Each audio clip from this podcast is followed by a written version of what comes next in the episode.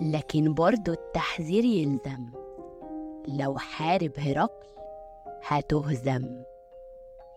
أعزائي أطفال التسعينات لو كنتوا من محبي أفلام ديزني وانتوا صغيرين فالنبوءة دي مش هتكون غريبة عليكوا قوي النبوءة دي هي اللي خلت حادث يحاول بكل قوته يخلص من هرقل ويخطفه من حضن أبوه زيوس وأمه هيرا ياه!